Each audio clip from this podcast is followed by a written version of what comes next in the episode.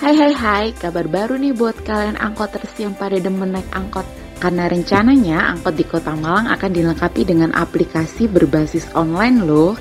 Otomatis nanti angkot bisa dipesan layaknya taksi atau ojek online gitu deh. Menariknya lagi, angkot berbasis online itu akan menggunakan tarif normal seperti sekarang. Jalurnya pun sama kayak jalur-jalur yang biasa kalian lewati gitu. Bedanya, nanti saat akan naik angkot, kalian bisa pesan lewat aplikasi dan langsung deh disamperin sama angkot terdekat. Udah gitu, langsung jalan nggak harus ngetem dengan waktu yang lama dan bikin bosen kayak biasanya. Saat ini, angkot online masih dalam tahap perencanaan.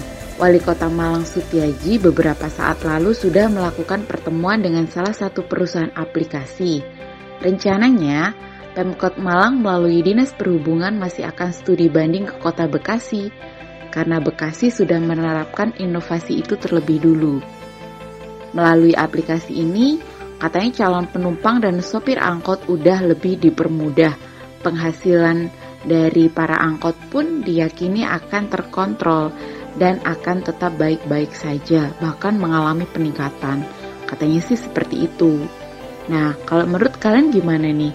Setuju nggak kalau di kota Malang angkutan umumnya itu udah menggunakan aplikasi online?